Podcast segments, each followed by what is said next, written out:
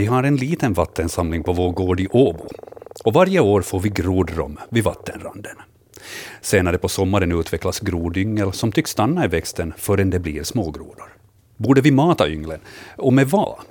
Vattenytan blir täckt av andmat under sommaren.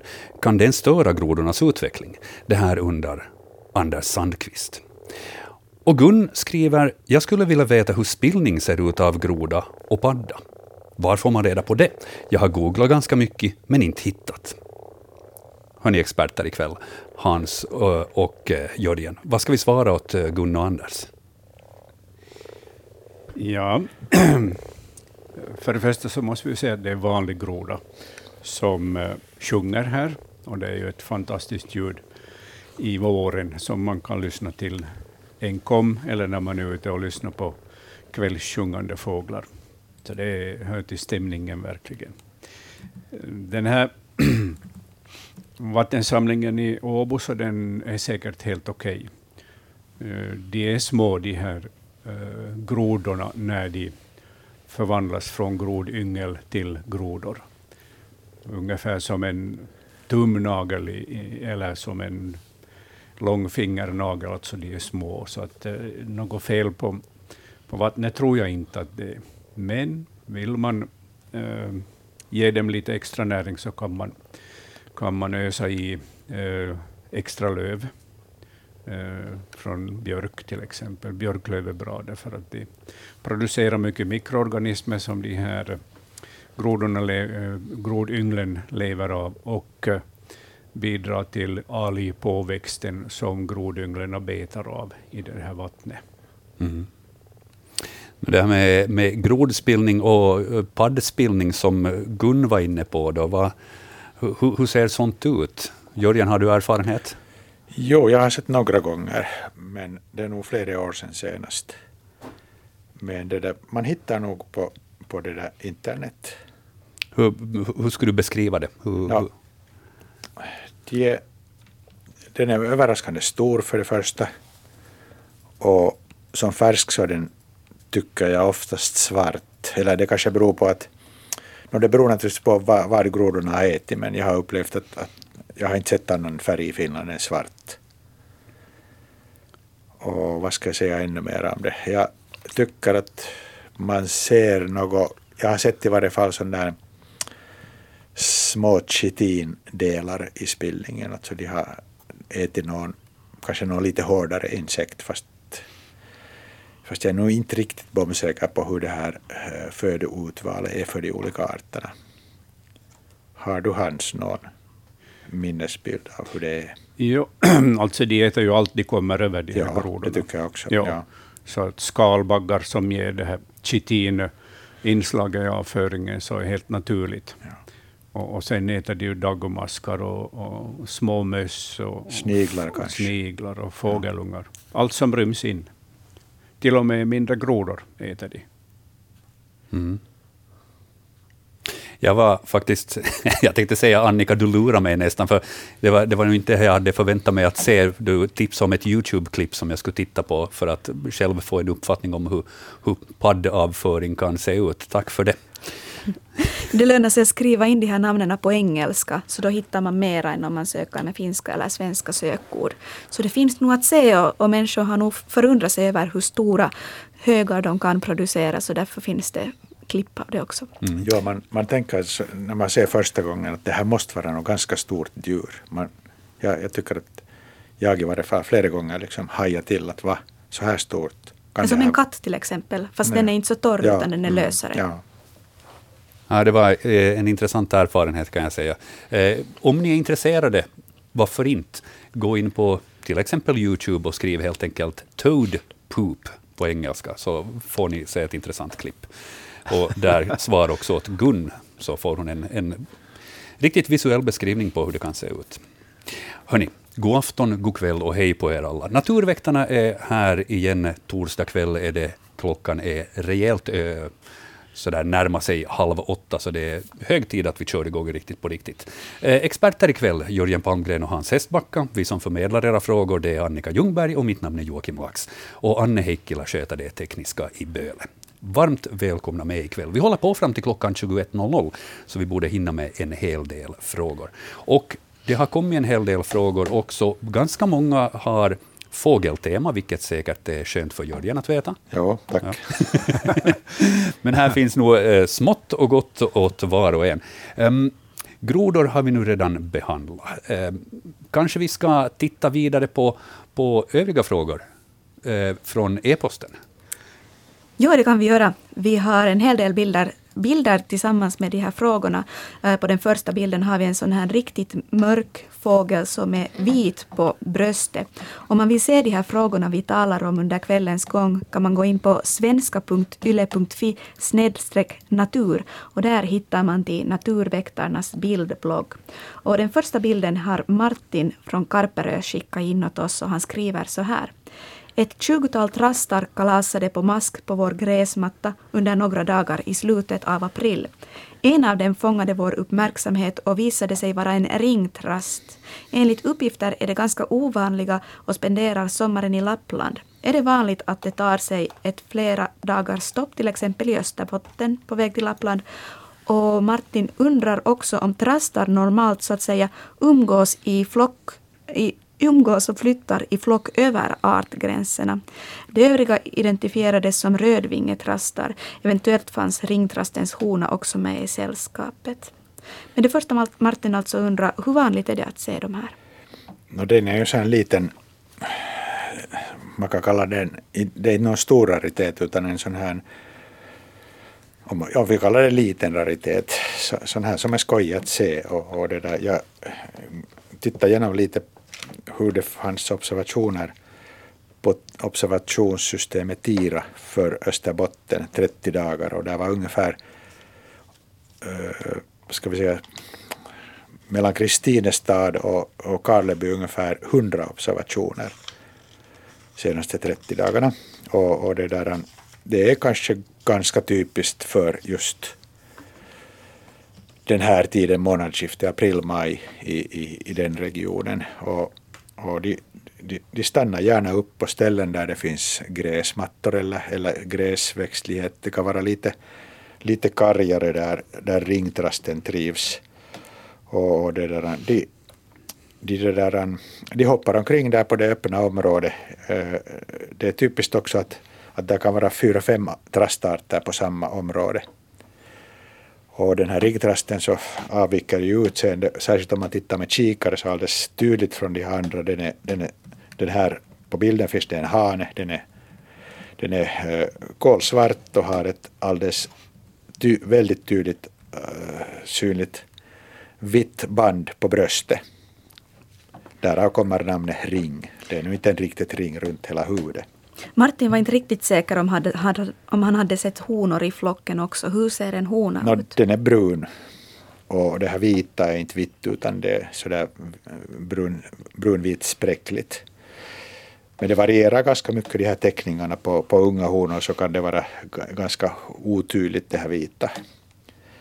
Och den här är själva verket den här på bilden så den är, ska vi säga ovanligt svart. Man, man brukar se sån här mer sån här vit, vit fjällighet i dräkten. Man ser kanske lite där på vingtäckarna så här lite, lite ljusare ställen. Och, och ringtrastarna har ett annat kännetecken förutom det här vita, vita det där bröstbandet är det här eh, en sån här gråvit panel på vingen. Det är alltså en, en, en gråvit teckning som är, som är liksom längs med vingen, inte ett tvärband utan längs med vingen. Och, om man ser trasten från bakifrån så, så kan man uppmärksammas just på det här att aha, där misstänker jag en ringtrast. Ska vi måste lyssna på en ringtrast?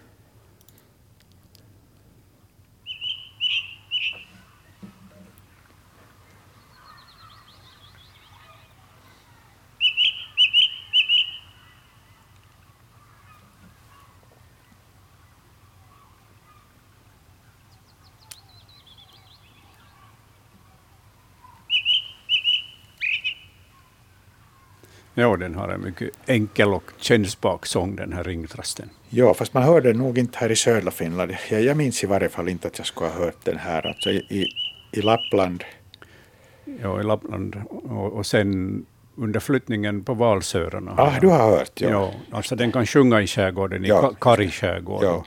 Och jag tyckte att man hörde trutar här i bakgrunden och det så kunde vara att den är bandad i skärgården. Eller så är den bandad i Norge eller, I norska, norska fjällen, kusten. Ja. Ja, eller norska kusten till och med. ja. vid kusten eftersom den häckar i, i fjälltrakter. Ja.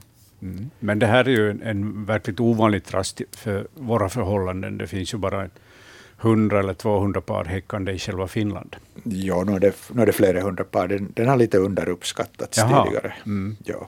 Men i alla fall den, en ovanlig, fåtalig jämfört med de andra trastarna. Jo, det är den ovanligaste häckande trasten hos oss. Ja. Alldeles klart. Ja. Men just det för österbottniska förhållanden så är det typiskt att, att, den, eh, att folk ser eh, ringtrasta på våren på sina gräsmattor. Ja, också alldeles, alldeles på hemgården. Ja, alltså. precis. Mm. Ja, gräsmattorna spelar en stor roll den här tiden på, på året för de flyttande trastarna och andra fåglar, för de hittar Ja. mycket mask där. Ja. Och, och ganska typiskt just det där att de stannar upp för flera dagar. Det Ja. kan finnas, särskilt om det blir en, en, en, en, där, en, en kallare period så kan de till och med stanna fem dagar eller, eller till och med mera. Mm. Och där är ju alltid liksom sen då risken att fågeln byts ut, men det där, man behöver inte beakta det i det här fallet. Vi får säga tack till Martin där för fin bild på den här ringtrasten. Är det så att du har någon fråga som du vill skicka in till oss till Naturväktarna, använd då e-postadressen natur.yle.fi. Och är det så att du har någonting du skulle vilja skicka in, till exempel en, en liten del av en insekt eller en fjäder eller avföring eller någonting sånt, skicka det då på posten i ett eh, välförslutet paket eller sätt det i ett brev ifall det är sånt som tål det. Och eh, adressen är Naturväktarna, Ylevega, postbox 12 00024 Yle. Där kontaktuppgifterna så där ifall man vill nå oss i bild och text. Är det så att man vill ringa oss, då går det utmärkt på 0611 12 13. Och jag tycker det är hög tid för att eh, ta kvällens första samtal. Vi säger Hallå, god afton. hej. Hej! Det här är eh, Sandelin från Ekenäs. Jag skulle vilja eh, det här, eh, förmedla en observation här från Ekenäs eh, i frågan om fåglar, det vill säga om, om det här eh, svartvita flugsnappars bigami. Har ni haft upp en sån fråga här någon gång? Den har två honor. Två honor. Ja, alltså svartvita flug- flugsnapparen har två honor. Jag konstaterade det när jag tittade på, på det här i Wikipedia på finska, på finska sidan och jag har sett den andra honan sen då idag tror jag. När den, och den for iväg med sen då herrn och den andra honan satt då förstås, förstås fortfarande i boet så det är ganska lustigt. Jo, Men det, här är kan ju, ju- du, ja, det här är ju ett sätt för svartvit flugsnapparhannen att sprida sina gener. Först ska få jo, jo, det förstår jag. Jo. Det, är bara det, det är för mig en ny grej, men är Ja. det här någonting som, är det någonting som intresserar det här alltså redaktörerna där så, och, och som man kan förmedla vidare? Ja, alltså vi, vi, vi diskuterar ju det nu, så att polygami bland småfåglar, är det här vanligt? Va, vad säger Jörgen och Hans? No, no, jo, alltså det här, för svartvita flugsnapparens del så kallas det successiv polygami. Alltså den, Ja, den här hanen parar sig först med en hona och, och, och honan lägger ägg och börjar ruva ja, efter, efter att kullen är fulltalig. Och sen flyttar den här hanen, han, han blir liksom ledig då. Och han flyttar till en annan lämplig holke, lämpligt hål. Oftast, oftast kan det vara liksom 100 meter från det st- ställe Ja. eller, eller mera. Och sjunger där och kan ibland lyckas, lyckas locka till sig en annan hona. jo, och det här, det lustiga var att den här, den svartvita flu- flugsnapparen, den häckar utanför vårt köksfönster. Ja. Och vi har följt med och jag tänkte att okej, inte vet jag så mycket om dess beteende så jag tittade på Wikipedia och konstaterade att den just det här har första, första det här hona och sen skaffar den sig en andra, andra hona.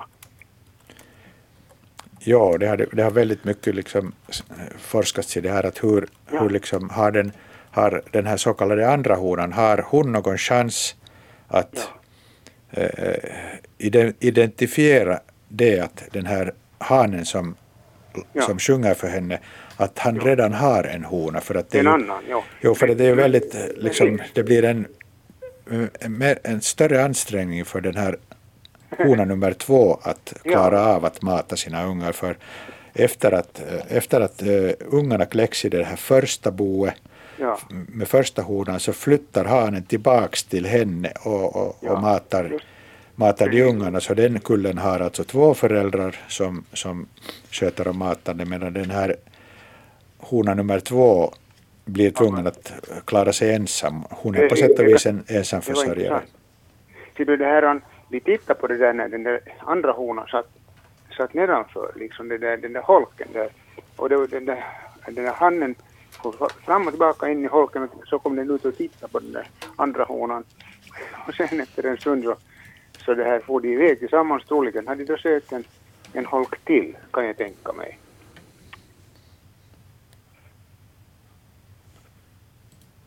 Mm.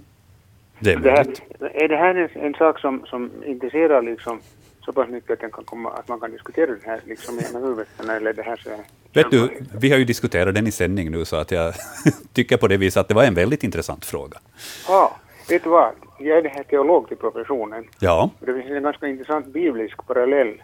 Du vet Jakob, patriarken Jakob som sen fick namnet Israel. Han hade två hustrur. ja, Lea, Lea som hade massor med barn och sen Rakel som bara fick två. Och det blev sen det här Jakobs tolv söner och när, förr i tiden när man gick i folkskola så måste man lära sig namnen utantill på de där sönerna. ja. Men då i Israels historia, där ligger i grund en sån här bigam, eh, det här, vad heter det, det, här, bigam, bigamistiskt förhållande. Precis. Precis. Ja, och, Okej. Men hördu, det var en intressant fråga du ställde. Ja, Tack för den. absolut. Och Ja. ha en riktigt skön kväll. Tackar, tackar. Tack. Hej. Hej. Vi har en fråga från Linnea om en svartvit flugsnappare också, eller någonting som liknar den. Ehm, Hon har förra veckan sett en fågel som påminde om svartvit flugsnappare, men det var mindre och hade två vita fläckar i pannan. Linnea sökte på nätet och kom fram till Balkan flugsnappare. Finns den i Finland? Det här var alltså i Närpes, säger Linnea.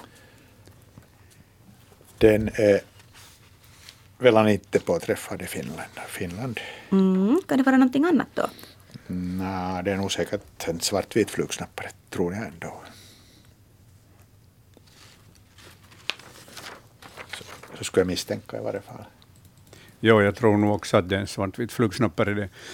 En del hannar så har ju, har ju uh, mer eller mindre två fläckar Ja. i, i pannan. Ja, just det. Ja. Och tolkningen att den är mindre så det, det är säkert alldeles rätt observerat men, men det är inte något kännetecken för någon av de, av de andra flugsnapparna, så, a- a- av de andra gruppen svartvita flugsnappare, det är ju halsbandsflugsnappare Mm, och balkanflugsnappare, utan de är, nog, de är nog alla lika stora. Ja. Mycket bra. Hörni, 19 minuter i jämn timme. Vi ska säga telefonnumret igen ifall det är någon som vill ringa och ställa en fråga. 0611 12 13. Det numret kan ni använda för att ringa till Naturväktarna den här torsdagen. Precis som alla torsdagar nu under sommaren ända till slutet av augusti. Ja, det kan ju vara intressant att eh, fylla i med, med järn, järnsparven som, som också lever i bigami, men där är det honan som lever i bigami. Hon kan ha två hannar som hon häckar med. Eh, A-hannen är viktigast och B-hannen är alltid med i bakgrunden. Mm. Så det finns också den, det förhållandet. Och, och motsvarande levnadssätt så finns hos människan också i olika kulturer. Så är det. Ja. Hörni, vi fick ett samtal här. 0611 12 13 alltså var numret och vi säger god afton. Vem är det vi har med oss? Det är Mikael Malmström från Tenala, Raseborg. Hej Mikael. Jag skulle vilja fråga nu när vi talar om, jag tror också jag såg i min sons bostad, eller där som man bor, en sån där svartvit. Jag funderade, vad var det för fågel? Det var vit på bröstet och svart övrigt. Är det den där svartvita flugsnapparen? Nu är det säkert den den. Nu är det säkert den. Ja. Men hur ska man bygga holkar för att de ska ha det gott? Jag har lite bredare överdopps. Ska taket luta neråt eller uppåt? Helst neråt. Fråga. Varför det? så att vattnet rinner bortåt från holken. Ja, det far mot stammen. i. Ja, just det. Okej, neråt. Sen, vad har vi för dimension på för små fåglar på hålet? Eh, Det är väl... Mm. 32 millimeter. Ja, just det. Ja, 32 millimeter. 32 millimeter, ja. Slipper staren in i det också? Nej, Nej. nej. Okej, Men då det- är små fåglar 32 millimeter. Jag Ja. skriver upp här. Mm. Ja. Och vill man ha för staren, 50 millimeter. är det så stort? Ja, 50 millimeters hål. ja. Jo, det där har jag tänkt på länge. För jag har lite överraskande och sånt där gammalt som jag skulle bygga lite av. Vad bra. Små fåglar 32 millimeter. Ja, Stora fåglar 50 millimeter. japp. Och taket lutar framåt. Ja, Och, och man kan ha öppning i botten om man vill städa den. Annars städar väl fåglarna det själv. Nej, de gör inte. Inte mera. Har de blivit lata de och som vi alla andra. Kanske det. Alltså, de, de bygger sen på det. Men det är nog bra att städa för att det, Ja. det, det där leder till att holken håller längre. Alltså, Och man ska inte heller lägga en käpp att eh, ha den kan sitta utanför och vakta. nej, det, låter, det ser ju väldigt nätt ut men, men det, å andra sidan så kan sådana som vill röva ungar eller Ja, boe så har, har, det mycket lätt, och har det mycket lättare där. Okej. En bra sak. Nu vet jag vad jag ska borra då. Och sen mitt lilla tips är att eh, just städa ur holken, men gör det medan det är kallt ute. Ja, minusgrader. Ja. Helst riktigt In, minus in i 10. mitt i vintern. ja. Annars har du loppor överallt. Ja, okej. Okej, tack. Bra, tack för samtalet. Det var intressant. Bra, tack. Hej då. Svartvitt eh, flugsnappartema fortsätter. Vi har just fått in en fråga från Mary som säger att den svartvita flugsvapparen har återvänt och intagit holkarna, men före det hade blåmesen inlett byggande i dem. Eh, Men det kan väl inte ha hunnit lägga ägg, och om det hunnit göra det skulle ändå svartvita flugsvapparen kunna köra iväg dem. Jo, de har ju de här talgoxen och blåmesen och svartvita flugsnapparen. De har ganska hårda strider den här tiden. Det har jag också fått se. Ja, det, de har blåmesen och talgoxen erövrar eller väljer sin äh, holk redan tidigt, kanske mars, senast i april och börjar bygga bo där och, och kan till och med lägga ägg och så plötsligt kommer svartvita flugsnapparen i början på maj och, och kan helt enkelt erövra den där holken och bygga sitt bo där på. Så då, då, det leder ju till då att den, den mes som där har, har startat sin häckning så får söka sig annanstans. Hur, hur, vilken tid får blåmesen sina ägg? Kan det finnas en ägg? ja, det kan finnas. Det, den, den är lite tidigare än svartvita flugsnappare. Nå fortsätter de bygga ovanpå äggen om Ja. svartvita kommer ja, in. Ja. Lite besvärligt men naturen är... Det gäller bara att bygga mera holkar så det räcker en åt alla. Ja, så, så har jag resonerat också. Jag har ungefär 25 holkar på 1000 kvadratmeters tomt. Mycket att hålla reda på där. Nå, inte är det så besvärligt. Ja, och sen finns det ju också eh, forskare som, som eh, har lanserat den teorin att de, de här svartvita flugsnapparna inte endast är ute efter en bra bohåla, utan de kollar också upp hur många eh, ägg mesarna har lagt. Ju större äggkullar de har lagt, desto bättre näringsförhållanden är, finns, råder i området. Och, och på basen av det så skulle då svartvita kunna bestämma sig för att här är bra att, att häcka. Men vad säger du Jörgen om, om de, de funderingarna? Låter intressant Ja. idé, just det. Mm. Så att det är en kombination, dels söker de bohåla och dels så kollar de också att jaha, hur många ägg finns i holken. Ja, det är väl ganska naturligt. Man brukar ju kolla in sådär grannskapet innan man flyttar och hur långt är Ja. det till skolan och, och hur är det med dagvården i övrigt och, och Ja, sånt ja. ja så eh, sådana här fenomen är oftast mer mångfacetterade än man tror. Fast man tänker kanske bara på en sak, så finns det kanske flera saker med i, i spelet. Mm. Det har varit mycket tal om svartvita flugsnappare nu, men ha- har vi några andra frågor? Eh, Vi ska kunna ta en annan fågelfråga som har kommit från Bengt. Han undrar kort och gott vilka är änderna på bilderna? Och han har skickat in tre bilder på änder som simmar i vattnet med lite gräs vid strandkanten där i förgrunden. Um, vill du göra en berätta vad du ser för kännetecken på de här fåglarna på Bengts Ja, jag ser, bilder? som, jag ser vä- väldigt gråa änder och, och det där. an- det beror kanske på belysningen också. Nej, det, beror på fjäderdräkten. De, de är väldigt gråa. Den, den här arten heter på finska harmasorsa, vilket är ett ganska lyckat artnamn. På svenska heter den snatterand av någon orsak. Jag kommer inte ihåg vad som har varit grunden för det. Kanske det lät Och det där, jo, alltså sån där grå fjäderdräkt och, och svart bakända. Svart näbb har hanen. Är det här hanar eller Det, honor? det, det som man ser tydligt här är alla hanar. Ja, det är tre hanar. Eller Det- är det kanske en det- hane på tre bilder? Jag tror att det är en hane på tre olika bilder. Eller, men det kan, det kan vara något annat också. Någon annan, annan kombination. Och på bilden på bildbloggen uppe till vänster så finns det i förgrunden också en hona. Var ser den? Man ser den ganska dåligt. Den är där i, i alldeles i, i, i, vattenbrynet. Alltså den är mellan den här hanen och stranden, Man ser det. någonting Ja. som sticker ut. Ja, hur det. vet du att det där är en hona? Ja, den är brunspräcklig och man skönjer lite den vita vingspegeln på, på, på den ena vingen. Den lite sticker fram den här vingen. Alltså jag skulle kunna kalla det där för en käpp som sticker ut Ja, eller en skugga, det. men vi litar Ja. på dig. Ja. Så kan vi fråga Hans, ser du samma som jag Ja, ser? jag ser precis samma Ja, som bra. du. Ja. Om- Om man vill se den så är den väl där faktiskt. Jo, Ja, den den, där. Den den syns där. tydligt. Ja. Ja. Och det där, den är ju fotad i Esbo den här.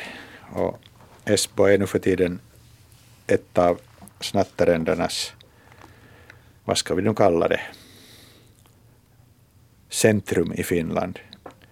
Det finns väldigt mycket snattaränder i Esbo. Jag, jag kollar just här igen på Tira, observationssystemet.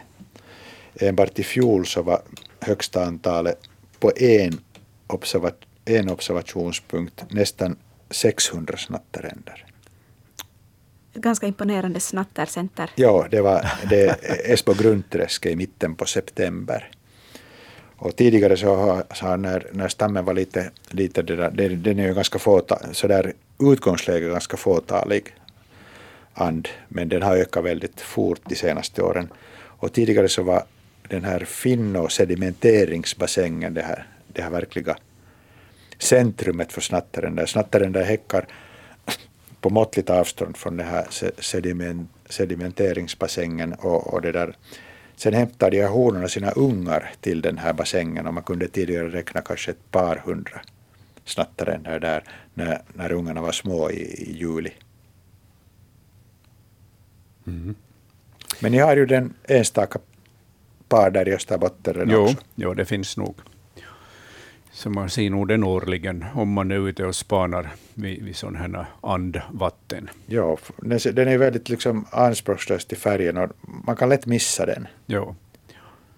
jo, men jag undrar vad, folk skulle säga om vi skulle ändra namnet till gråand. Det låter nog ganska tråkigt. Ja, det låter tråkigt. Där, där snattar det nog ganska skojigt. Ja, visst är det det. Skojigt namn ändå.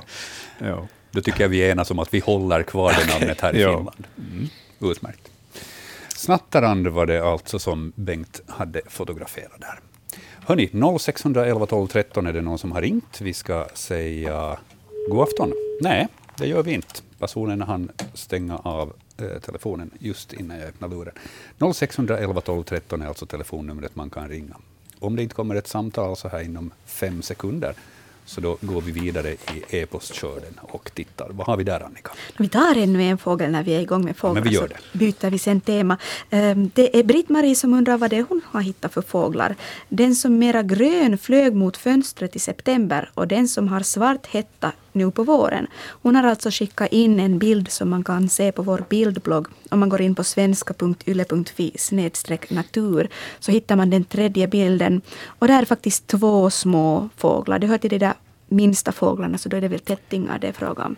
Ja, det är små fåglar och, och det där, en, finns ju inte någon måttstock men det är ändå alldeles tämligen enkelt att artbestämma de här. Om vi tittar på den, den som är på höger sida, den alltså som, som, som nu har det där en, flugit i fönstret nu på våren och Britt-Marie beskriver här att, att den som har svart hetta, no, det var nästan artnamn, men det är en svart hetta, en hane. Alltså ganska grå i fjäderdräkten men en sån här svart baskare där på huvudet. Ja, den är så den har den här hatten riktigt där framme på gässan, på pon- pannan. Ja, just det. Och det svarta fortsätter inte i, na- i nacken alls. Och, Men den där andra, Den har den andra- något kännetecken man kan gå ja, efter? den är, den är lite krångligare. Den, den, den är lite mindre än den här svarthettan. Och, och det där, den har, vad ska man nu säga, den är lite... Grön, brun, vit med gula jo, inslag. Det, det är trevligt att du väljer de här färgerna. För det är lite krångligt att, att eh, beskriva de här uh, Philoscopus-sångarnas ovansida. En sångare sa du? Det är en sångare, ja just det. Den, har, den har en tunn näbb och... Då ska man titta på vad den har för band på ögonen vill jag minnas. Ja, Hur starka är de? Ja, Jag de- ser att den har ett streck som går från näbben så där genom ögat. ja, det stämmer. Det, Så är den lite gul där ovanför det där strecket. Ja, eller kanske sådär smutsvit. Ja, det- det passar också. Ja. Och tittar man riktigt noga så borde man... Ja, man ser, om man tittar riktigt noga så ser man att den har en, en sån här svag ögonring, alltså vit teckning. Ja, nu när du säger det. Ja, det, det är ju det att när den är död så, så, så torkar ju ögat väldigt fort och man ser inte den här ögonringen så tydligt som om den skulle vara levande. Sen ser man, vad kallar du den här ovansidan? Färg, det var gr, Jag tyckte att den var gulaktig. no, den var kanske gul, Nå, jämfört med Nå. det andra så är den mera gul. ja eller grönbrun med gul nyans eller vad ska vi kalla det? Ja, du menar den normal, normala färgen. ja, alltså ovansidans färg. Ja, på ryggen. Ja, just det. Något grå-grönbrunt är det. Ja, något sånt är det just det. Men det som är, är kännspakt här är sen då svarta ben och helsvart näbb. Ja, det har den. Och redan på de här kännetecknen så kan man bestämma den till en gransångare. Men vill man vara riktigt säker så ska man ännu titta på hur, hur det där, hur, hur långt handpennorna sträcker ut längre än, än armpennorna. Det är sådant lite specialkunskaper men där ser man att den har en väldigt kort vinge och det är, det är typiskt för gransångare. Då var det en grönsångare till vänster och en svart hetta till höger. Jeps. Mycket Då bra. har Britt-Marie fått svar på sin fråga. Tack för det. Då ska vi ta och titta vad vi har för samtal på tråden. Vi har några minuter innan det blir nyheter, så vi borde hinna med ett samtal i varje fall. Vi säger god afton. Vem är det vi har med oss? Ja, det är Bengt heter jag. Hej, Bengt. Jag försökte höra eh, en svart-röd stjärt. Är det vanligt att se det på Åland? Den är, den är ingenstans i Finland vanlig, men man, man kan se den här och var. Och Åland är ett av de bästa ställena. Hurdant, hurdant ställe var det du observerade den? Ja, det var på tomten. Så. Just det, den råkade komma in där. Den är ju en sån här urban art som, som gärna häckar i, i, vid stora industribyggnader men kan också nöja sig med lantgårdar och, och, och, jo, storstenstaden kan, alltså staden med, med stenhus kan den också häcka. Men den är ingenstans i Finland vanlig utan den är, den är fåtalig. Men då vet vi det. Bra. Tack för ditt samtal, Bengt. Hej. Tack. Hej. Vad sa ni nu? Svart rödstjärt? Svart-röd Mm, den är elegant, aj aj. Får man anta att den är ganska mörk och har en rödaktig stjärt? Ja, Ja, visst.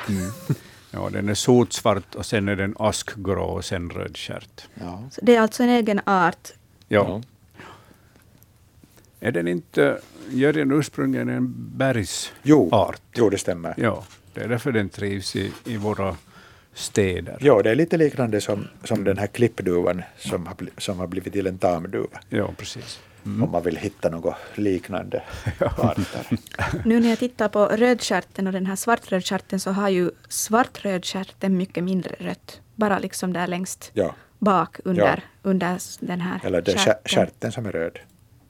Och rödstjärten har mycket mera rött än bara på stjärten. Ja, för hanarnas del. Men för honornas del så är det sådär ungefär. Ja, det är ju så. Jämt. Det är alltid man ser en, en hane när man söker upp snabbt Ja, på nätet och går ofta- bilder. Så är är det, det så.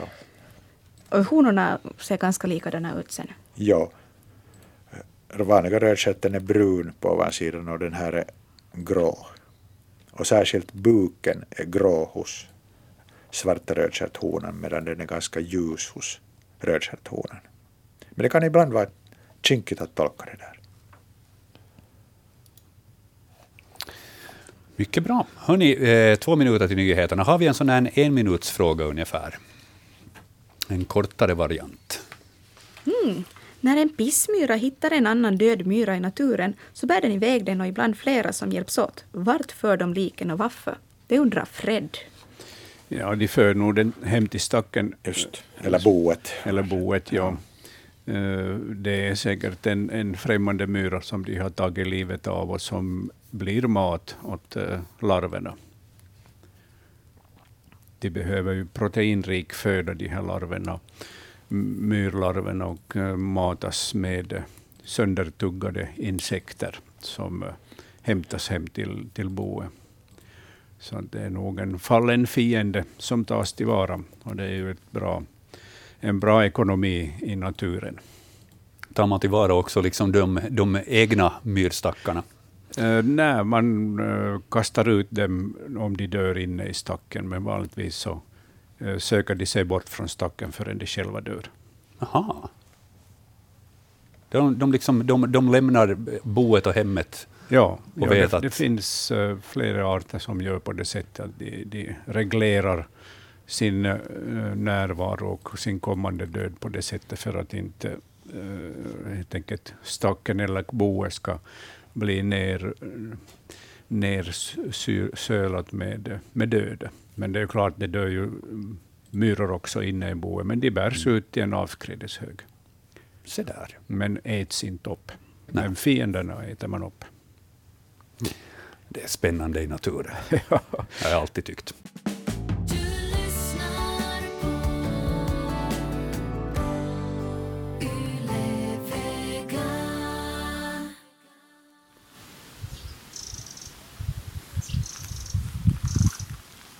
Jag hörde den här fågeln i medlet av april i Västerhankmo. Den låter som en gräshoppa, så undrar om det kan vara en gräshoppssångare. Det här är en fråga som vi har fått in till Naturväktarna till den här torsdagen. Uh, Jörgen, Hans, vad, vad, vad säger ni? Svarar nej, det är inte en gräshoppssångare. Då kommer ju följdfrågan ganska naturligt. Om det inte är en gräshoppssångare, vad är det? Det är en stjärtmes som varnar. Det var stjärtmesens varningsläte. Det pågår en, en längre tid. Det, det är typiskt till exempel om, om det finns en vessla i närheten så varnar den på det här viset. Den låter rätt irriterad och, och nästan arg. Jo, Ja, jag skulle nästan kunna tippa på att den eh, har sitt häckningsrevir där. jo sannolikt. Ja, då den är så här intensiv med sina varningar. Den gillar ju lövskog eller lövrik blandskog. Och gärna får det vara en hel del fukt och, och blött i markerna där den häckar. En oerhört fin porslinsfågel med lång, lång härlig stjärt. Skulle det finnas det där tillgängligt gräshoppssångarens sång? Det, det låter väldigt annorlunda. Vi kan kontrollera om vi hittar den. Alltså jag tänkte jag kolla upp för, för säkerhets skull att inte finns det väl någonting som på riktigt heter gräshoppssångare, men det fanns det ju. Jo, Jo, det finns. jo. Ja, och sen såg jag att den också finns i Finland. Ja, och de, de först har den kommit. Gräshoppssångare, visst har vi det. Vi ska lyssna på hur en sån låter.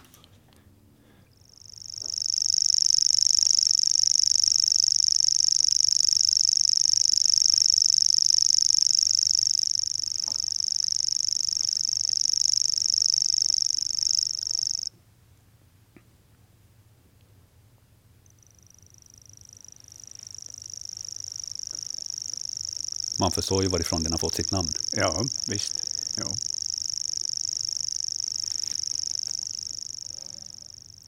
Och är det, här, är det här också någon form av varningsläte, det som vi nu hörde, eller är det här liksom dess vanliga? Nej, det här är sång. Det här är sång. Ja, den sjunger mest på natten.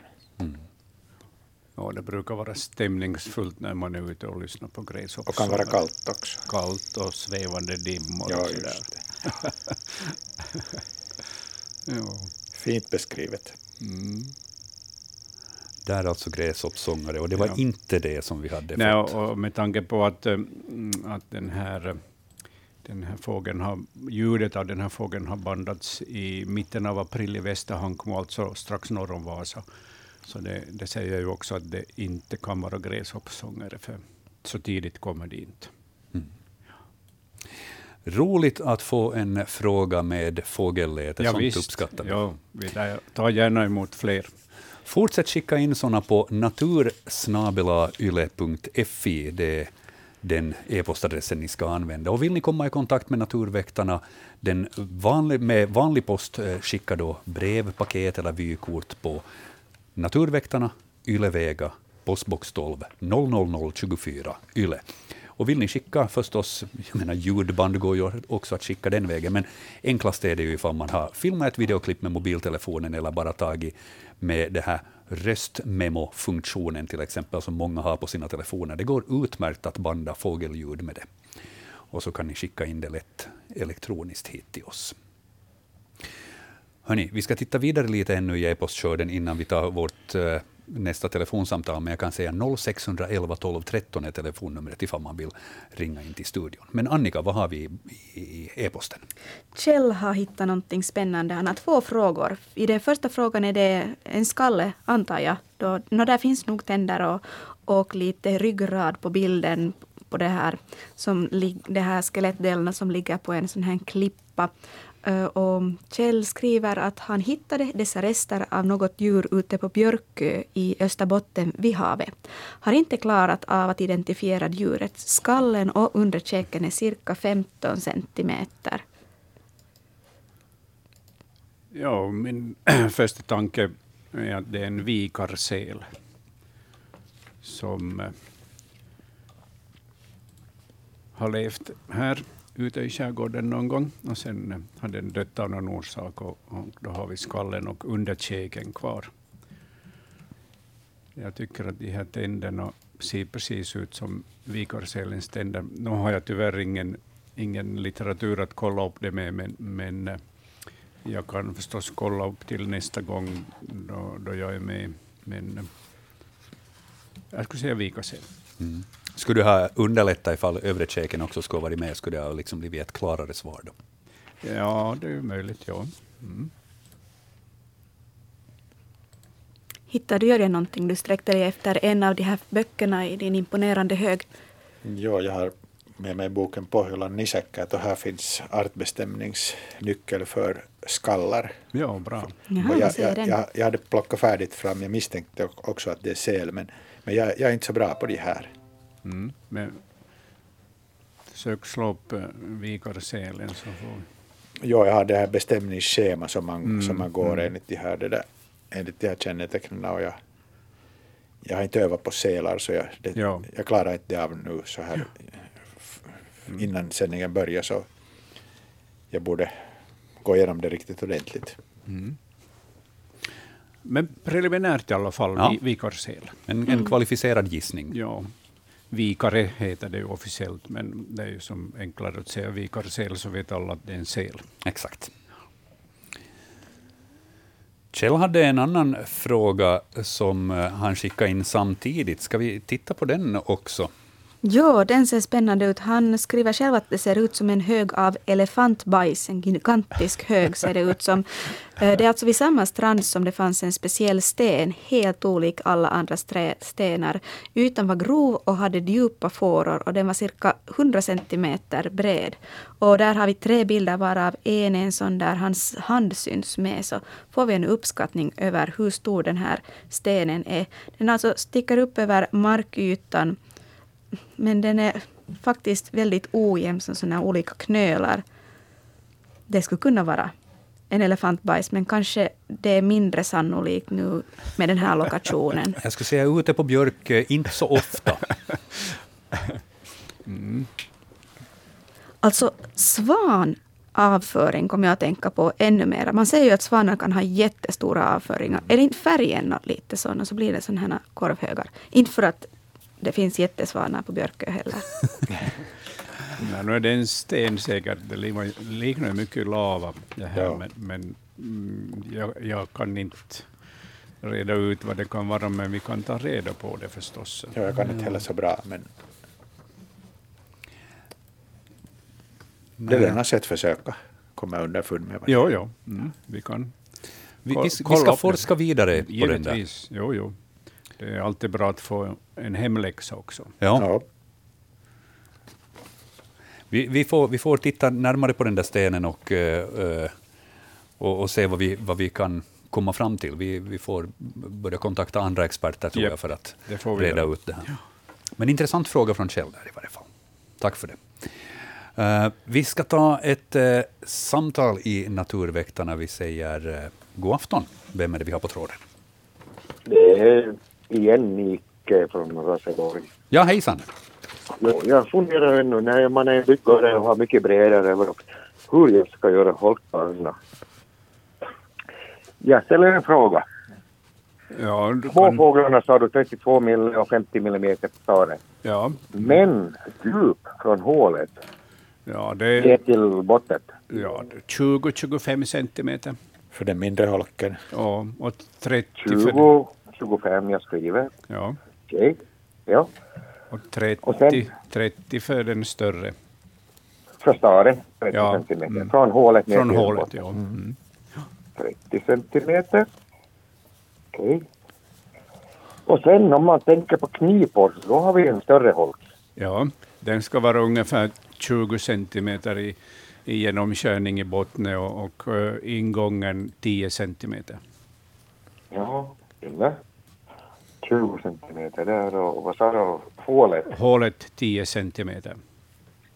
100 milli. Och den kan vara ja, 40 centimeter djup. Från hålet. Den behöver inte vara, det kan räcka med 30 centimeter från hålet ner till botten, men du kan laga för. Total holk, total holkmått, om vi säger så. Mm. Från tak till botten. Ja, Och knipornas. Vad säger du? Vad ska vi dra till med? Ja, dra. ska du dra? Jag ska berätta. ja, starholken kan vara 40 centimeter djup. Ja, de är ganska stora. 40-50 centimeter tänkte jag på. Mm. Vad jag har sett som tidigare. Ja, Jag är född på landet. ja, ja. Och, och knipholken kan vara mellan 40 och 50 centimeter djup. Ja, men den talar jag om nu. Vad talar du om du tidigare här då? Staren. Staren också, samma sak. Typ. Ja. No, jag vet från gamla tider ju så var det ju. Hörru, du, får, du får uppdatera oss med, med ditt holkbygge sen. Du kan skicka e-post till exempel på skulle jag göra, jag har även observerat byggare och, Ja, och jag vill nu har någon sysselsättning i denna coronatid. Ja, Utan vidare, då är, då är det bra Ja, terapijobb. Ja, men att storleken räcker med 15 gånger 15 centimeter kvadrat yta. Jo. Okej. Mycket bra. Ja, Som sagt, skicka vi e-post, det vi vill gärna se Nu hur får de vi börjar se ut fåglarna sen. med oss så har vi något annat att titta på. Ja, visst. Bra. Behöver köpa husdjur. Tack för Ja, ditt samtal, hördu. Ha det bra. Hej. Tack. Hej. Vi kan kolla andra telefonlinjen också medan vi ändå håller på och vi säger god afton. Vem är det där? Hallå? Ja, hallå? Jo, det här är Erika Gillberg från Borgå. Hejsan. Jag skulle fråga om storken. Ja, Om den har blivit vanligare här i Finland. För att jag såg en som jag tror att var stork som flög från Däckjärviträsk över till Kärrträsket. Och sen efter några dagar läste jag på Facebook att de hade sett storkar i Ruskis. Och då undrar jag hur många olika sorters storkar finns det? Och deras läte skulle jag gärna vilja höra. Jörgen, Ja. vill du ta den här? Det kan bli lite svårt, vi hörde ingenting Nej. av samtalet här just, så du får lite... Aha, okej. Men det, var, det var alltså Erika som, som ringer från Borgå och undrar om storkar. Hur många olika sorters storkar finns det? eh, spridning i Finland? Är det vanligt att man ser dem och, och hur låter de? Ja, Ja. vitstork Nu stänger jag här. regelbundet. Då, sä, då säger jag tack till Erika för, för samtalet, så ska vi Tack. svara på din fråga. Hej. Tack, hej. Jo, två storkarter. Vitstork och svartstork. Ja, Och vita storken är regelbunden gäst på våren. Flesta fåglar ser man i maj. Det kan, man kan se till och med flockar i maj. Jag tycker just, det var just här en vecka sedan i Borgå en flock på tio fåglar. Och det där, men oftast så är det enstaka fåglar eller, eller det där små grupper. Säll- Sällan så är att de är över tio. Och man, man räknar med att de här vitastorkar vita storkar som, som kommer till oss är sådana här ännu icke häckande fåglar från Estland som alltså stryker vida omkring när de så att säga inte har annat att göra, när de inte ännu är könsmogna. Och det där, um, man har hemskt, eh, ska vi säga, hemskt länge väntat att vita storken ska häcka i vårt land och, ha, och det har, äntligen så har det skett en gång med framgång när ett par häckade i, i Koski, kommunen Koski i egentliga Finland. De blev riktigt nationella kändisar där. Men tyvärr så kom det inte, kom det inte sen flera, blev det inte flera år där. Men nu tyckte, jag, nu tyckte jag läste i Tira observationssystem att någon hade sett en vit stork bärande på kvistar. Eller det var två vita storkar tillsammans som den ena bar en kvist. Så det kan vara att det är någonting på gång. Eller så övar de för nästa år. Mm. Vitstork, det fågellätet så, så har vi hittat.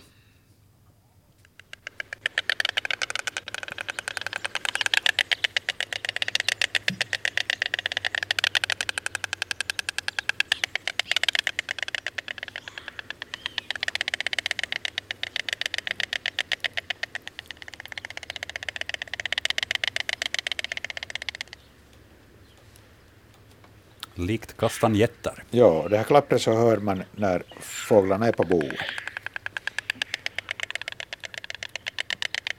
När de hälsar på varandra så har de ett sånt här klapper för sig. Om man har sina vägar till Estland så, så där kan man mycket väl bekanta sig med vita storkens häckning för att de där häckar hundratals par och, och de är och ofta de här borna finns på vid, vid lantgårdar eller andra urbana ställen. Också längs med landsvägarna. Ja, det här klappret kommer från näbbarna, det är alltså Ja, näbbklapper. Ja, De sjunger med näbbarna. Mm. ja visst. Har de några andra ljud då? Än det här klapprande letet? Jag minns inte att de skulle ha någonting annat. Men det kan nog vara att när, när, det där, när den inte så har inte så mycket kontakt med dem som under häckningstid så det kan vara något. Jo, ungarna tigger naturligtvis. Det har, det har de, men att skulle jag, de här eh, fullvuxna fåglarna ha några andra ljud så det har jag inte någon minnesbild av. Ja. Det här klappret, är det likt morsesignaler, att man på något vis kan tyda, beroende på frekvens, intensitet och sånt här, så kan man liksom tyda vad det är de vill kommunicera, eller är det ett allmänt klapprande så där i tid och otid? Jag tycker att det är allmänt, eller jag har i varje fall inte, inte hört att det skulle vara på något sätt specifikt i olika situationer. Svar där till Erika från Borgå om den- storkar. Ja, men den andra storken, Ja, svarta storken, den har vi inte besvarat. den är samma storlek som vita storken, men eh, fjäderdräkten är övervägande svart. Den har vit mage, men annars är den svart. Men den är, den är, den är sällsynt i vårt land och jag tror att det finns en observation från det här året. Men det är typiskt att det blir ett sådär att mellan fem och tio observationer per år. Och den är, en, den är inte en urban stork, liksom vita storken, utan den häckar i, i, i skogar. Bygger sitt stora bo i en ek till exempel, ett annat träd och, och det där. är lite sådär hemlighetsfull jämfört med vita storken. Vita storken i och med, den, i och med, i och med att den häckar så, så synligt och nära människan så, så är det lätt att följa med den. Men den svarta storken så har man inte riktigt samma möjligheter.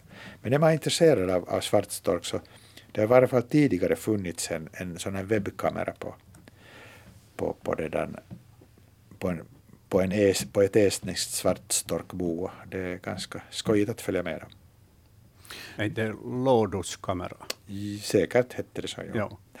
Där finns Havsön också. Jo, Intressanta online-program. ja, visst. Precis som den här stora älvvandringen som just har visats i TV. Och som SVT har producerat och även syns via vår arena, arenan.yle.fi. Så det är en fantastisk produktion Ja, att få följa med älgarna ja. så där nära. Och samma sak som sagt kan man göra med då storkkameror och man kan följa fiskljusen och sånt. Det, det finns många sådana här, men det får gärna komma fler för det är, det är behaglig Visst, slow TV ja. att Det följa är, med. det är behagligt därför att där sitter inte någon redaktör och klipper ihop olika sekvenser så att det ska ske mycket på en kort tid, utan det får ta sin tid precis som det gör i naturen. Mm. Och just det här storkboet, svarta storkarnas bo, så det är in, ett stort lövträd inne i en vacker skog, så det är ett, en vacker häckningsplats dessutom. Och där kan man eventuellt få höra också hur den svarta storken eh, låter, för den är så pass hemlighetsfull så den finns inte i vårt register här, så jag har inget, inget lete för den Ja. svarta storken. Jag, jag tror nog att den har samma klapper. Ja, Men det är gissning. det är en gissning. Kanske lite mer dolt för att den är så hemlighetsfull. Eventuellt. Mm. Bra. Hörni, då ska vi ta eh, ett till samtal tycker jag eh, i Naturväktarna då vi ändå är på gång. Vi säger god afton. Vem har vi där? Nå, vi har Bo Nyström i Tarja här. Hej. Hejsan. Jag ringde här för, för någon sommar sedan vill jag minnas. Att, att jag, har, jag hör rördrommen Ja, på mitt sommarställe i Evijärvi. ja. Och nu när, när ni har programmet igång så tog jag fram mina fågelböcker, Fågelguiden och Europas fåglar. Och ingenstans står det att den skulle komma så här långt norrut. Ja, men den kommer det, nu för tiden finns den häckande så, Ja. där, så där långt norrut och förmodligen ännu längre norrut. Jo, jag, jag tror att de nordligaste paren, eller det är jag säker på att vid Limingoviken Ja. finns det. häckande Jaha, så det finns i Limmingo. Ja, Ja. ja, det är ju någon hundra kilometer till härifrån. Ja, det. Ja. Det är Evijärvi som jag har Ja. det här sommarstället. Mm. Ja, men, de- men det var bara det jag skulle kolla, Ja. vad jag kom ihåg. Ja, Bra, tack, Tack, för ditt samtal. Tack, hej. hej. Rördrommen har ju ett fantastiskt lete. Den blåser i sin basunflaska. Ett stämningsfullt lete, speciellt under nätterna. När man hör det på nätten, vårnätterna och försommarnätterna. Vi ska se om vi hittar den, annars så är det någon som får, får försöka härma den. Du hittar nog. Jag vet. Står rördrom här. Jaha, först storspoven. Ska se om den, om den hörs någonstans.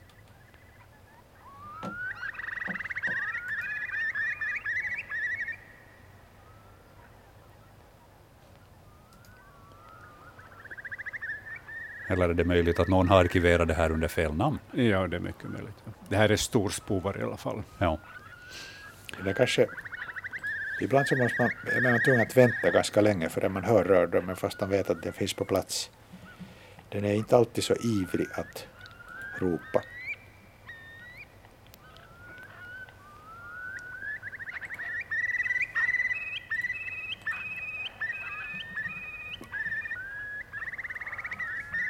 Jag har någon väntat en timme eller två. Men det kan inte vi göra. Nej, det kan vi inte göra. Nej, och det här klippet är bara en minut och fyra sekunder, det tog slut där. Så Ja, det var nog storspovar. Det här Ja. är felarkiverat. Det, där. det var det. Ja. Ja. Då ber vi om ursäkt Men, och så men det, är- letar vi det vidare är någon ett annan gång. omisskännligt ljud när man hör det. Ja, det är men som, det, är- det är så lågt att det ibland kan vara krångligt att få tag på det. ja. det är som det som kommer från hela sjön eller hela viken, det där ljudet. Ja, särskilt om man är väldigt nära den så kan det vara liksom förbluffande hur, hur, hur, hur, hur, hur tystlåtet det ändå är. Ja, ja. Det är ingen som vill försöka sig på att härma den. Nej, men man kan ju föreställa sig när man blåser doft, doft i en flaska, tom En stor flaska. I en stor tom Ja, flaska. Man kan ta en sån här stor plastflaska till exempel. Så det är en och halv liters. Ja. Lätt att det blir ett helrörsdrom då kanske. Ja. Ja, ja. Det var dagens ordvits. Jag låter bli att komma med fler. I'll get my coat. Det var det. Hörni, eh, e-posten ska vi ta och titta till nu i Naturväktarna då klockan är 26 minuter efter jämn timme. Vi har dryga halvtimmen på oss med andra ord att besvara allt, allt det som har kommit in tänkte jag säga. Men jag tror ju inte att vi hinner med allt, men, men en del i varje fall. Vad har vi Annika där som nästa? Vi har en bild på en eh, vitsvanshjort, eh, säger Carola. Och den ser väldigt spännande ut på halsen. Det ser ut som om den har tappat en massa hår och det är riktigt ljusgrå päls eller skinn som, som har det här kommit fram där på nästan hela svansen, alltså hela halsen från liksom bogen till, till öronen och lite tofsar med den här vanliga pälsfärgen här och där. Och hon undrar alltså Carola om vitsvanshjorten har skabb eller vad har den på halsen?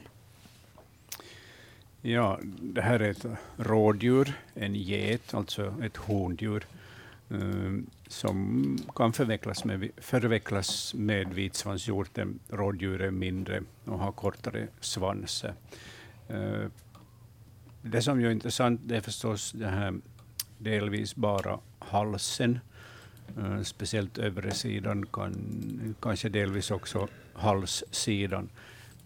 Nu känner jag inte till om, om de kan ha skabb, men jag kan väl tänka mig att de kan ha skabb om de av någon orsak kommer i beröring med, med en rev eller mårdhund som har skabb. jag är lite misstänker att inte. Att jag, tror, jag har förstått att skabben är liksom... Nå jo, det kan nog hända att, att det är möjligt. Ja. Ja, men du tänkte på något annat, Jörgen? Nej, jag tänkte det att, att, att det är på något sätt eh, rovdjurens åkomma, men, men allt är Ja. möjligt. Allt är möjligt. Mm, ja, ja. Skulle det få liksom sådana, eh, alltså att det verkligen sträcker sig över, över nacke och hals så som det verkar på, på den här bilden, om det är ett rovdjur? Nej, nej, men alltså rovdjuren kan ha skabb. Ja, de. Jo. Ja, förlåt. Mm. Eh, ja. Det kan förstås vara någonting helt annat än, än skabb, men, men eh, tyvärr känner jag inte till om hjortdjuren har skabb. Det, det, skulle de ha det så skulle det väl vara ganska allmänt bland Jo, jag, jag tänkte att det skulle vara pälsbyte. Ja, mm, Vi har ju sådana tider nu. ja, ja.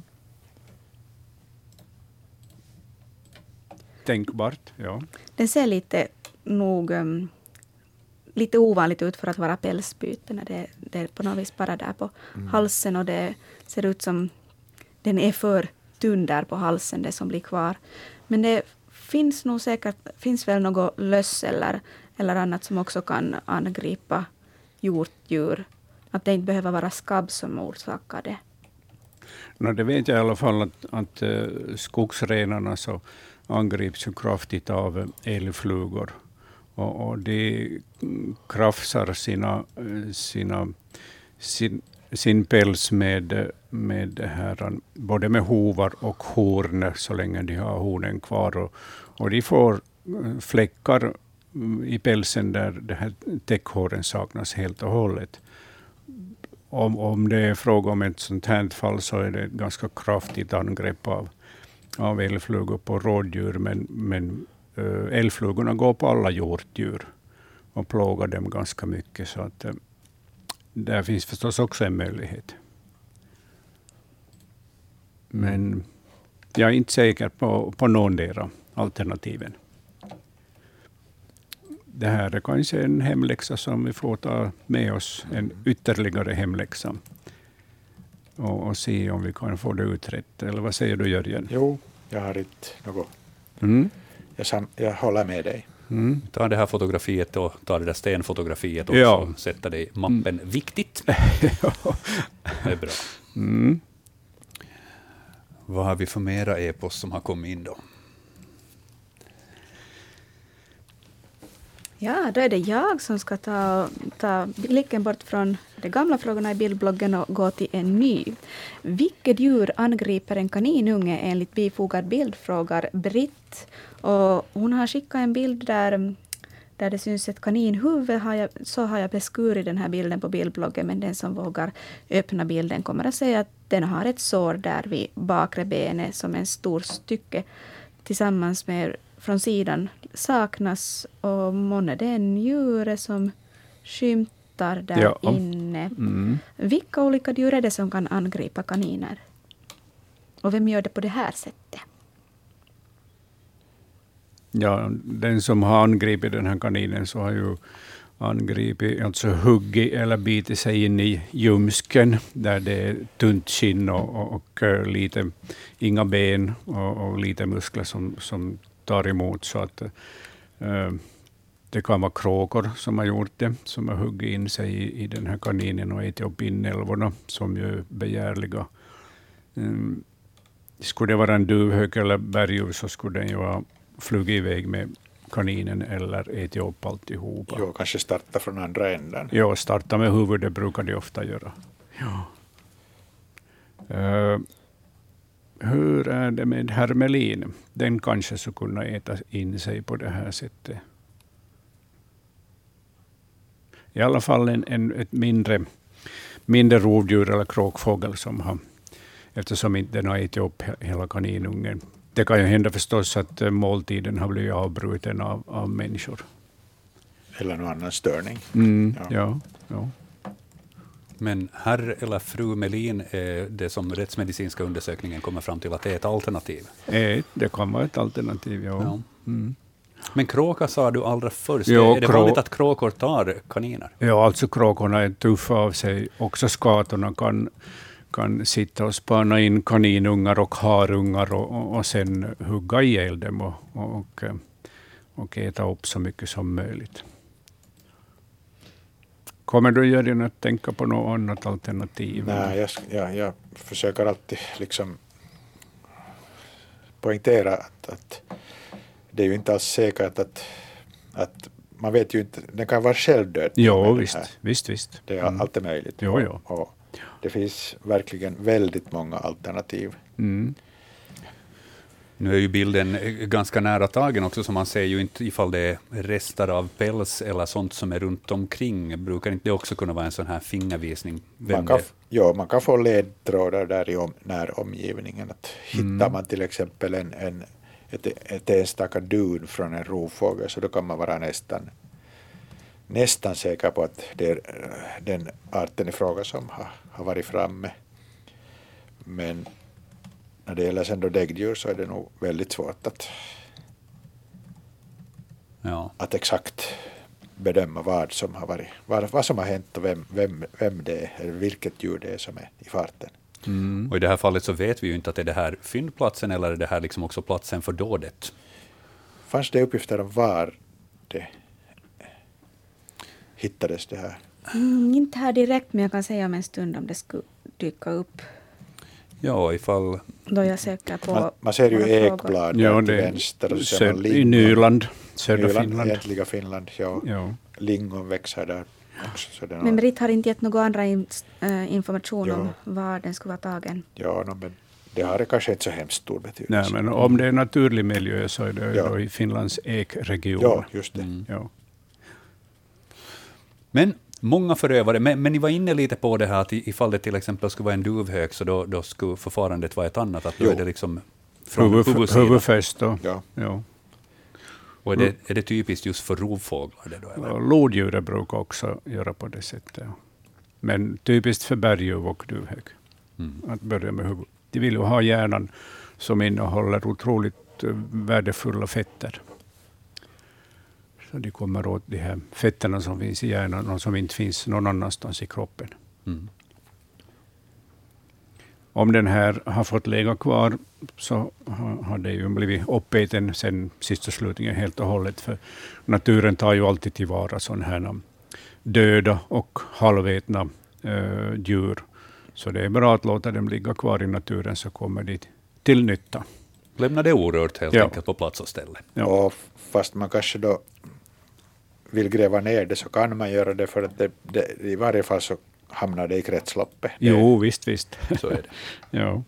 Jo, jo, och, och ligger det nu framme på ett ställe nära ens gård eller någonting sånt, så det är klart man kan flytta på det också. Och så här. Det, Mm, På det viset behöver inte man lämna det orört, men ja, naturen tar hand om det. Så är det. visst är det så. 0611 12 13 det är telefonnumret hit till Naturväktarna. Ifall det är så att ni har en fråga som ni skulle vilja ställa nu direkt under kvällens sändning, så går det bra att ringa. Hans och Jörgen står beredda att svara på era frågor. Eh, men för tillfället är det ingen som ringer, så på det viset så bollar jag över tillbaks till Annika och se vad annat har vi i e-postskörden. Vi har fiskfrågor. Den här kommer från Rasmus. Vad är detta för en fisk? Stor som en abborre, cirka 20 centimeter, slät med små fjäll, lång ryggfena, ganska platt till formen. Och Rasmus har tagit en bild där han eller någon annan håller i den här fisken ovanför vattenytan i en hink. Mm, vad säger vi om, om, om den här fisken? Jo, det är en gärs som hör till abborrfiskarna, så den är nära släkt med abborren. Och det ser man också på kroppsformen och, och lite på färgerna. Eh, dessutom, eh, till skillnad från, från abborren, så har den också ganska slemmig kropp, den här, den här gärsen. Eh, den eh, finns förekommande eh, i praktiskt taget hela landet, förutom i nordligaste Lappland. Och ute i skärgården också, i, i våra bräckta vatten.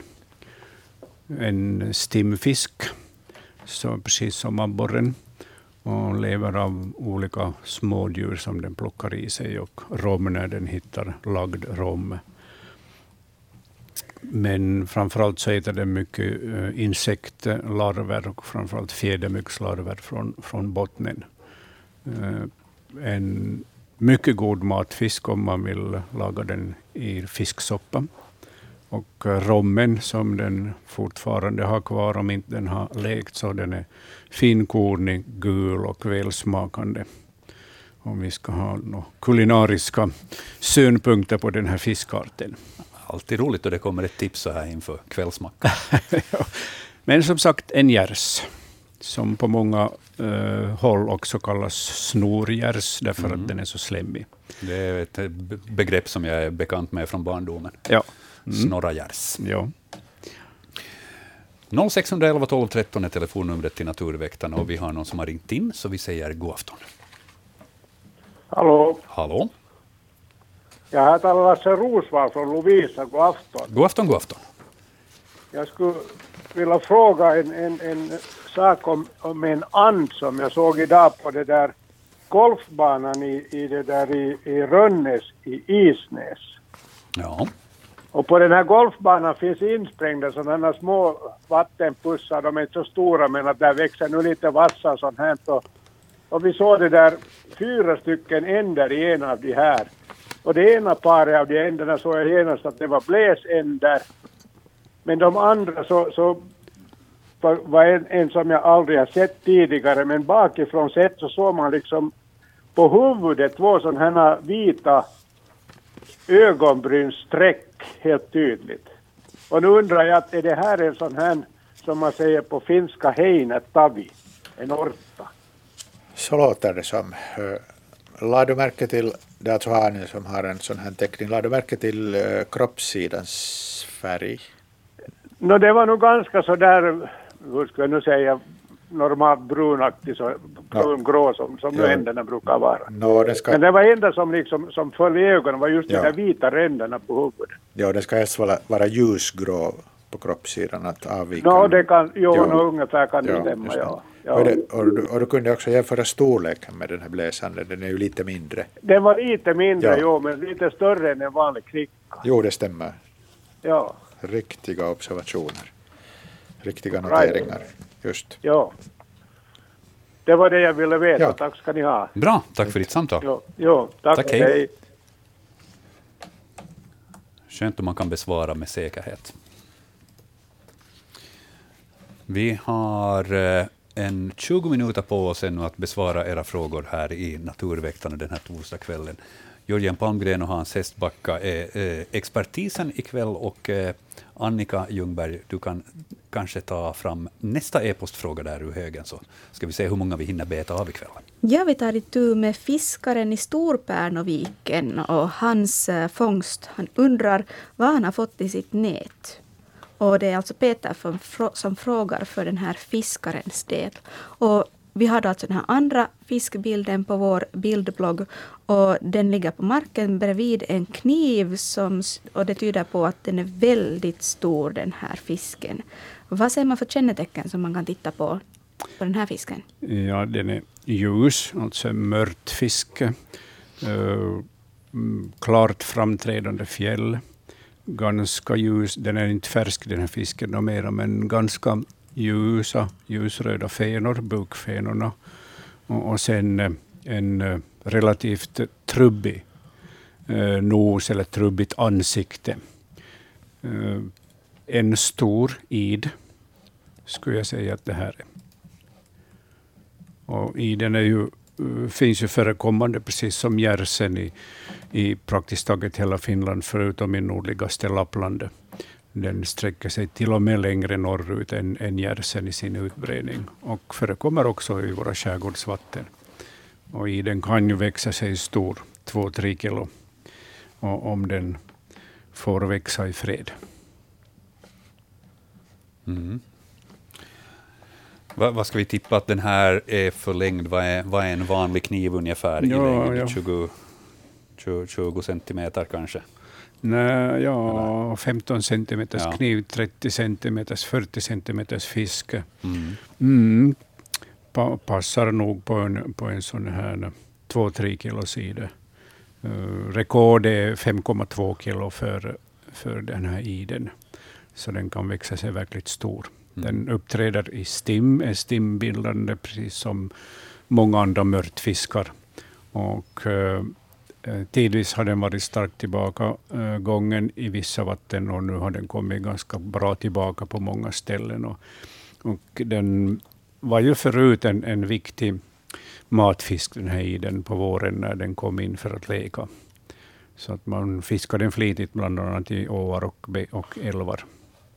Och också sen badidar i, under sommaren i varma, varma skärgårdsvikar med nät.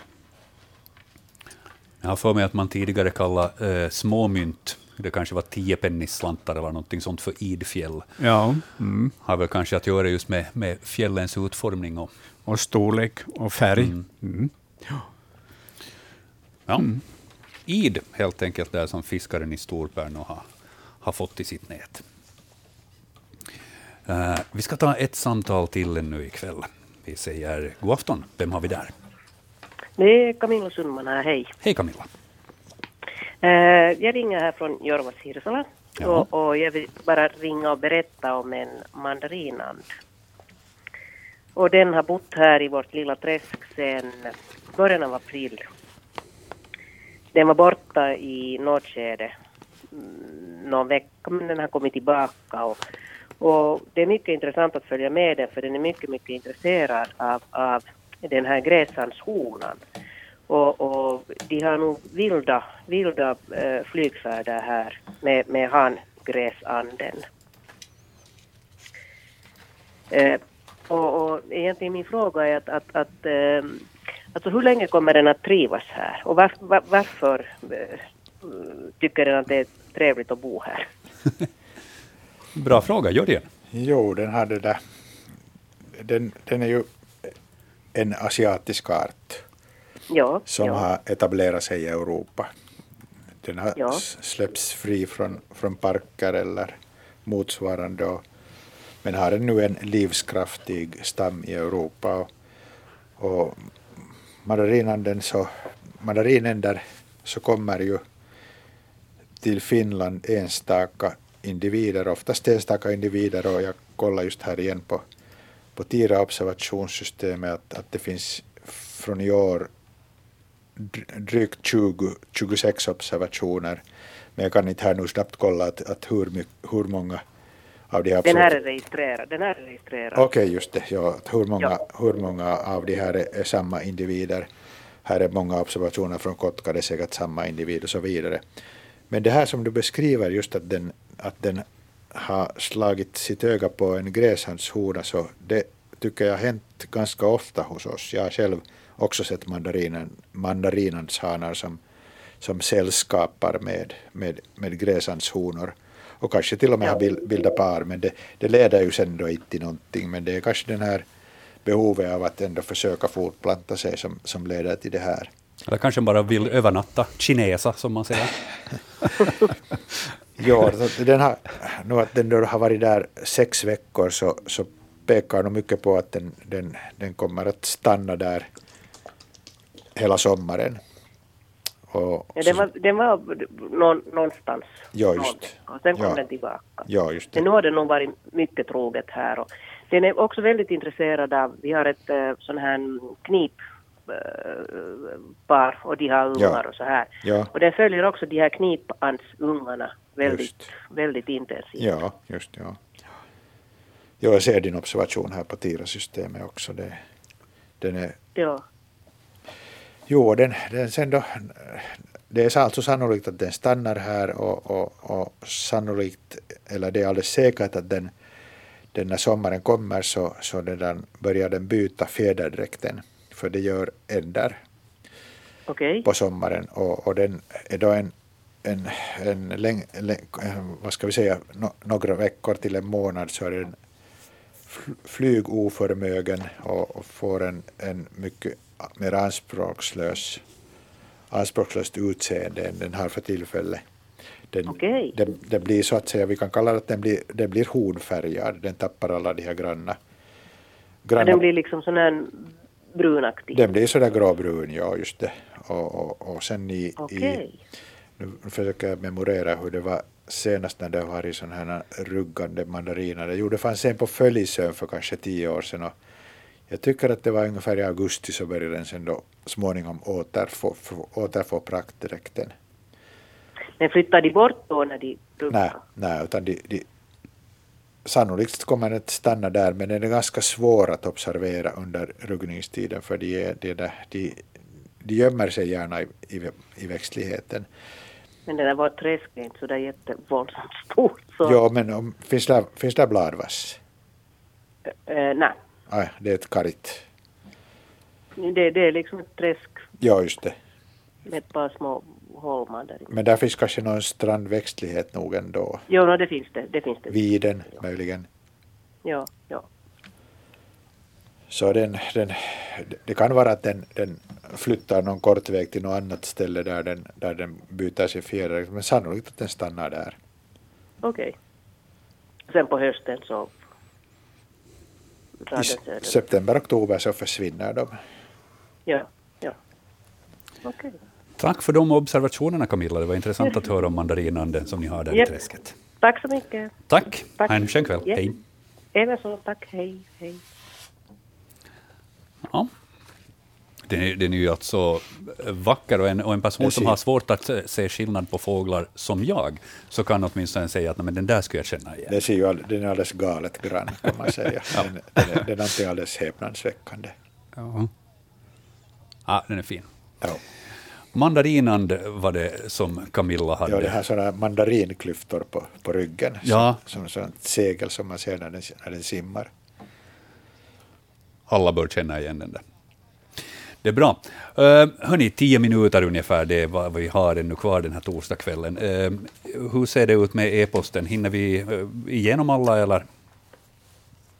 Jag skulle föreslå en önskekonsert. Eh, Finns det någon av de här frågorna som experterna väldigt gärna skulle vilja svara på? Till exempel har vi tre insektbilder i Ja. bildbloggen. Vilken Mm. av dem ska vi ta till Börja näst? med den första.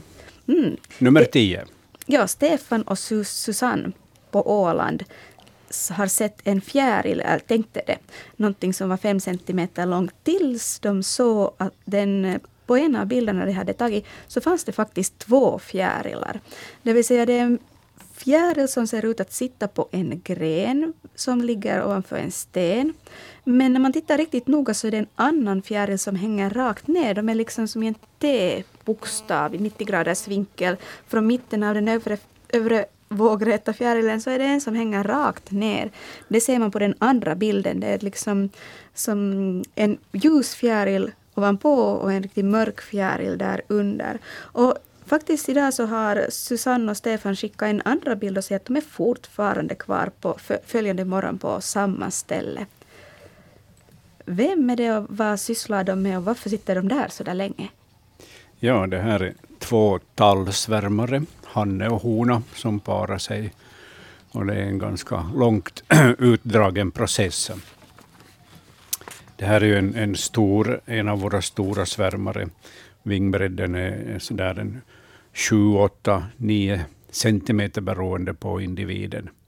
Eh, den går i grått och svart och vitt. Eh, det att eh, ena exemplaret verkar mycket ljust och andra mycket mörkt, så beror delvis på ljusförhållandena här under fotograferingen. Men, men de här teckningarna som man ser på, på vingarna, den har såna här eleganta svarta tuschstreck.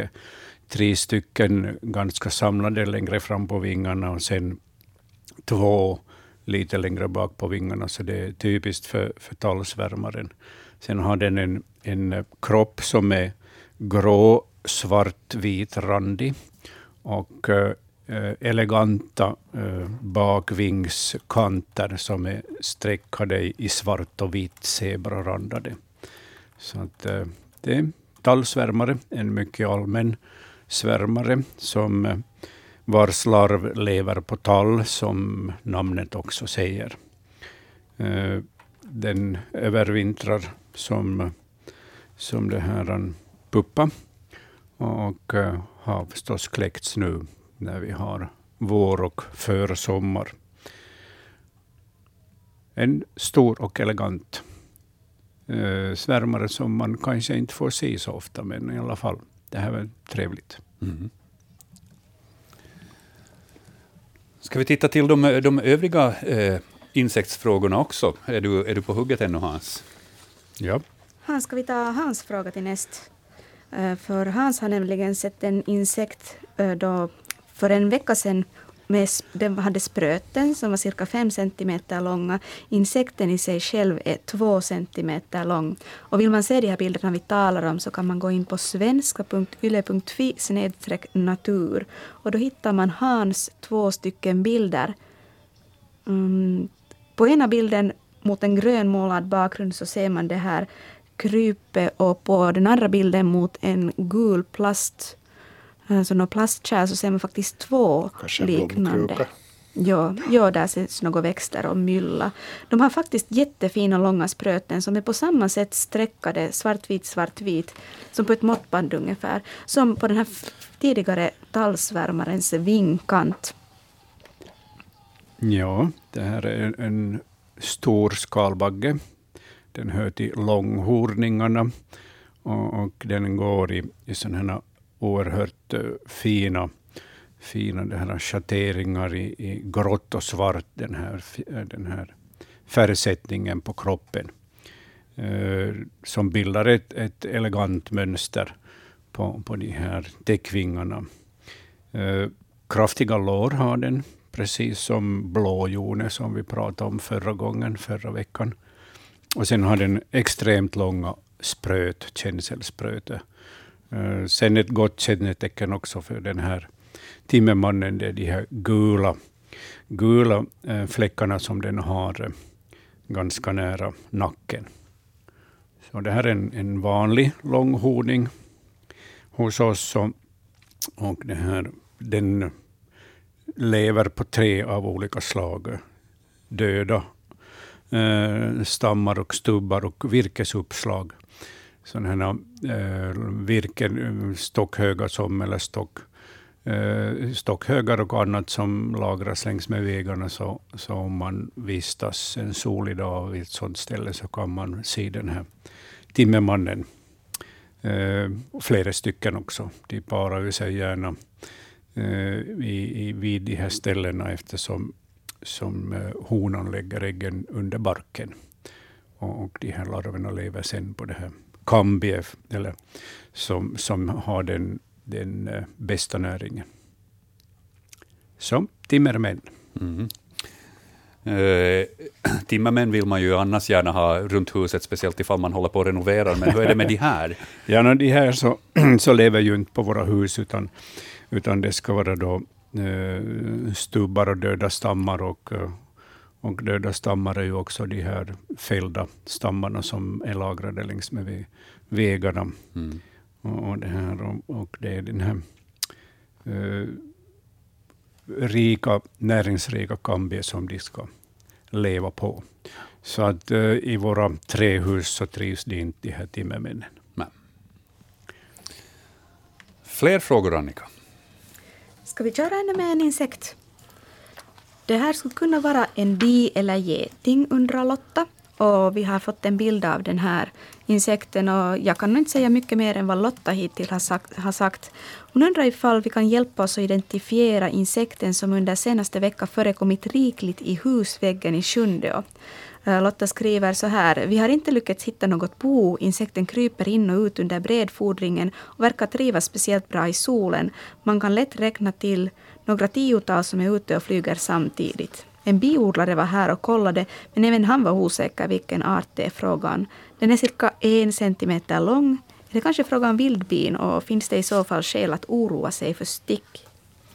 Ja, nej, man behöver inte oroa sig för någon stick, utan eh, de här är då snälla, oförargliga, eh, solitära bin som, som eh, till exempel lever i, i väggar. Vi hade ju en par frågor förra gången, visst, förra Mm, veckan. Och, det stämmer. och eh, vilka bin hade vi då? Ska se om gång? vi hittar det här. Eh, Man hittar ju alla, alla våra gamla bildbloggar från flera år Mm. bakåt på samma sida. vår sidenbi. det var tittar en vi som på. lägger ägg i marken och sen hade vi en som rörde sig längs med, med det här husväggar och kring fönster. Och det var rödmurarbi i det fallet.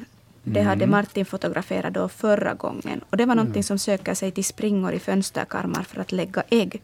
Eh, vad tycker vi? Liknar de här varandra? No, jag tycker att det liknar ett, ett bladskärarbi, men jag är ju inte säker på det. Så mm, jag hoppas att Anders tar sig en noggrann titt sen på det här, för han, han kan det här på sina fem fingrar. Men bland annat de här långa antennerna och uh, hårigheten och sen utstående ögon, så, så kanske uh, säger att det är ett bladskärarbi. Och de, de skär alltså bitar ur blad som de eh, använder när de, när de lappar igen sprickor i stenar och virke och husväggar och sånt där de har lagt sina ägg. Men jag ser gärna att, eh, att Anders tar sig en extra titt på det Mhm. nästa vecka. Jag tror vi får kanske, eventuellt så passar vi på att eh, visa bilden på stenen åt honom också. Och vad var det för annan fråga som vi hade varit, varit lite så där tveksamma till den här veckan? Eh, ja, vi, får, vi får kolla det med, med olika experter. Det var också den där eh, vikarsälsskallen som vi kanske, som vi gissar oss till, den kanske vi också kan lite titta till. Och, och det här definitivt en, en fråga åt Anders. Är Ja, men, men som sagt, eh, ett solitärt levande bin, och det, det är ju flera arter och, och ofarliga. De sticker inte oss. Så att man kan följa med deras intressanta liv. Mm. Det där är ganska långt alla de frågorna som vi hinner med den här veckan i Naturväktarna. Men fortsätt gärna skicka in frågor till oss. Vi uppskattar varje fråga lika mycket. Eh, använd e-postadressen natursnabelayle.fi och eh, där kan ni då också bifoga bilder eller ljudfiler eller videoklipp och eh, gärna så mycket information som ni bara kan från det här djuret eller växten som ni fotograferar, så det, alla ledtrådar hjälper oss. Och då ni tar fotografin, sätt gärna också någonting dit bredvid som vi kan eh, använda för att eh, bestämma storleken på det här som ni fotograferar. Det kan vara en tändsticksask eller en eh, mobiltelefon eller någonting sånt. Allting underlättar. Naturväktarna, Yle Vega, postbox 12 00024. Yle, det är också adressen man kan använda ifall man vill skicka brev eller liknande. Hörni, tack Hans, tack Jörgen, tack Annika.